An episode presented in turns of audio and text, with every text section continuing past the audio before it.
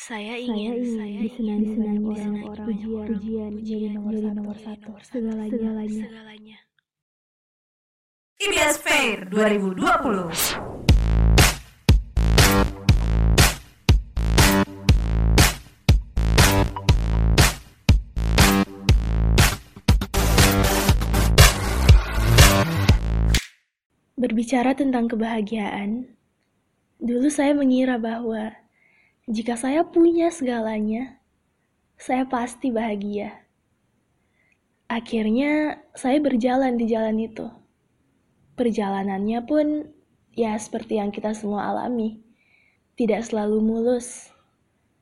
Ada lika-liku, ada bebatuan, ada terjatuh, dan lain sebagainya. Namun, saat saya akhirnya mendapatkan hal yang dulunya saya pikir dapat membuat saya bahagia, saat itu pula saya tersadar bahwa saya tidak bahagia. Alih-alih bahagia, saya cenderung cemas. Dan saya tidak tahu mengapa saya cemas. Saya juga tidak tahu mengapa saya tidak bahagia setelah mendapatkan yang saya mau. Padahal, hei, saya sudah mendapatkan apa yang saya inginkan. Lantas mengapa saya tidak bahagia?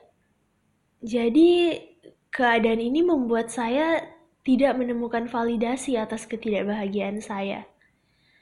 Tidak adanya alasan atau pembenaran akan ketidakbahagiaan ini tentunya membuat saya semakin tidak bahagia.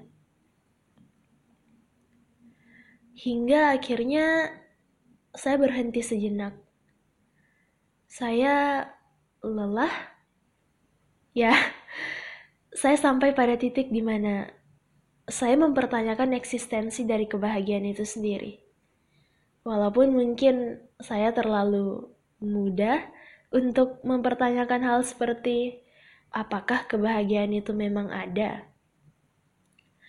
Butuh waktu yang cukup lama bagi saya untuk bisa menjawab pertanyaan ini. Hingga saya akhirnya menemukan bahwa terdapat perbedaan yang cukup besar, sebenarnya sangat besar, antara kesenangan dan kebahagiaan. Dr. Robert Lustig, seorang ahli saraf endokrinologi, mengungkapkan bahwa ada beberapa perbedaan antara kesenangan dan kebahagiaan.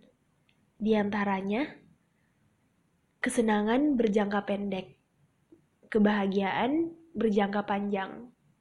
Kesenangan diperoleh dengan mengambil, sedangkan kebahagiaan diperoleh dengan memberi. Kesenangan dirasakan sendirian, sedangkan kebahagiaan selalu dirasakan bersama orang lain. Semua kesenangan yang ekstrim mengarah pada adiksi. Tapi kita tidak akan mengalami hal serupa jika kita terlalu bahagia. Dan yang paling penting adalah kesenangan dihasilkan oleh dopamin, sedangkan kebahagiaan dihasilkan oleh serotonin. Jadi di suatu bagian pada otak kita, terdapat sebuah pusat penghargaan atau pusat apresiasi. Jadi semua emosi yang dapat memicu rasa apresiasi atau penghargaan yang dapat kita rasakan, semuanya berada di tempat ini. Yang dalam bahasa Latin, um, tempat ini dikenal dengan istilah nucleus accumbens. Lalu kenapa? Lalu apa hubungannya dengan dopamin dan serotonin tadi? Nah, dopamin dan serotonin tadi merupakan dua pembawa sinyal dua neurotransmitter atau dapat dikatakan juga sebagai alat komunikasi antar satu neuron dengan neuron lainnya. Nah, neuron sendiri merupakan sebuah unit kerja yang bertanggung jawab atas segala hal yang terjadi di pikiran kita. Dan dopamin ini, kesenangan ini, bisa merangsang atau menstimulasi neuron. Hal ini pada dasarnya terjadi di nucleus accumbens tadi. Jadi misalnya jika saya makan es krim, dan kebetulan saya suka es krim itu, maka pada saat itu terjadi pengiriman dopamin yang diterima oleh reseptor dari suatu neuron di dalam nucleus accumbens tadi. Jadi dopamin ini akan mengikat sekaligus menstimulasi reseptor tersebut. Dan dari pengikatan inilah lahir kesenangan, lahir rasa senang. Ya, kesenangan itu bagus. Kesenangan, ya kita semua tahu kesenangan itu bagus. Namun, neuron itu sifatnya rapuh. Istilahnya, ia hanya suka digelitiki. Ia tidak suka dipukuli. Artinya, saat neuron terlalu sering menerima rangsangan atau terlalu banyak mendapatkan rangsangan, ia cenderung akan mati.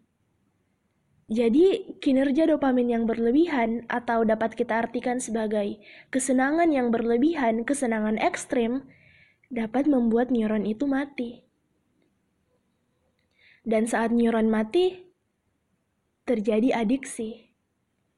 Nah, neuron-neuron yang belum mati tadi, neuron-neuron yang ada di dekat neuron yang sudah mati, mereka ini tidak ingin ikut mati jadi mereka punya rencana B. Mereka punya sebuah mekanisme pertahanan diri. Mekanismenya itu seperti ini. Jadi ia akan mengurangi jumlah reseptor yang dapat menerima dopamin.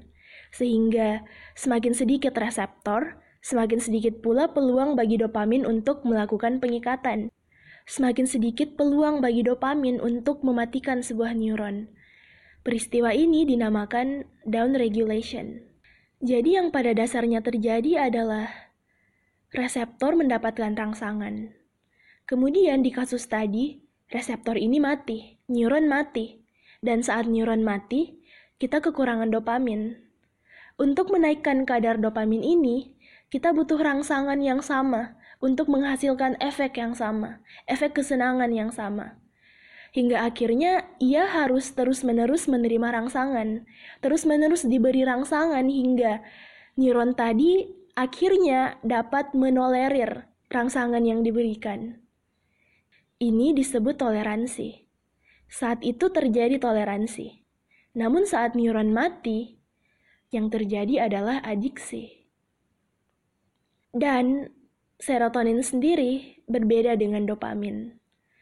Dopamin merupakan perangsang, sedangkan serotonin sendiri merupakan penghambat.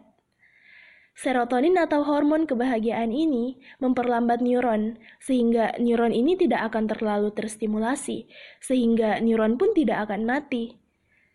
Namun, kembali lagi, ada satu hal yang dapat melakukan down regulation terhadap serotonin, yaitu dopamin. Sehingga Semakin banyak dopamin, semakin sedikit serotonin. Semakin banyak kesenangan yang kita dapatkan, semakin kita tidak bahagia. Baik, kembali ke pembahasan awal. Akhirnya, pengetahuan akan serotonin dan dopamin ini menjadi salah satu jalan bagi saya untuk akhirnya mengetahui mengapa saya dulu tidak bahagia. Ya, saya bahkan pada saat itu tidak tahu apa itu kebahagiaan. Saya hanya mengejar kesenangan, mengejar dopamin. Saya hanya terfokus pada apa yang saya pandang baik, pada apa yang saya pandang sempurna, yang di mana kita semua tahu kesempurnaan oleh manusia itu mustahil keberadaannya. Ya, akhirnya dari sini saya merumuskan kebahagiaan saya sendiri. Bahwa Kebahagiaan saya justru terletak pada saat saya mampu menerima ketidaksempurnaan saya. Saya bahagia saat saya bisa menerima diri saya seutuhnya, lengkap dengan kemampuan dan ketidakmampuannya. Saya bahagia karena meskipun saya membuat banyak sekali kesalahan di masa lalu, tidak lantas membuat saya tidak bisa belajar dari kesalahan itu. Saya bahagia karena meskipun saya tidak bisa memasak dengan baik, tidak lantas membuat saya tidak bisa memuji masakan ibu saya. Saya bahagia karena meskipun saya tak bisa banyak bercerita dengan keluarga saya, tidak lantas membuat koneksi kita terputus. Saya bahagia karena meskipun saya tidak bisa memberikan banyak tip kepada ojek daring, tidak lantas membuat saya tidak bisa mengucapkan terima kasih kepada mereka. Saya bahagia karena meskipun saya dan teman-teman terbaik saya memiliki beberapa ketidakcocokan, tidak lantas membuat kita tidak dapat memahami luapan emosi lainnya. Saya bahagia karena meskipun saya punya banyak sekali ketakutan, tidak lantas berarti saya harus berhenti. Juga saya bahagia karena meskipun podcast ini tidak sempurna, tidak lantas berarti saya tidak menghargai usaha dan pengekspresian saya di dalamnya. Pada akhirnya, bagi saya, semuanya tentang penerimaan, tentang keikhlasan. Saya bahagia karena kita bisa bahagia karena banyak sekali hal. Dan saya harap saya dan kita semua bisa terus mempercayai itu. Walaupun saya tidak tahu bentuk kebahagiaan kalian itu akan seperti apa, namun yang saya tahu adalah kebahagiaan itu ada.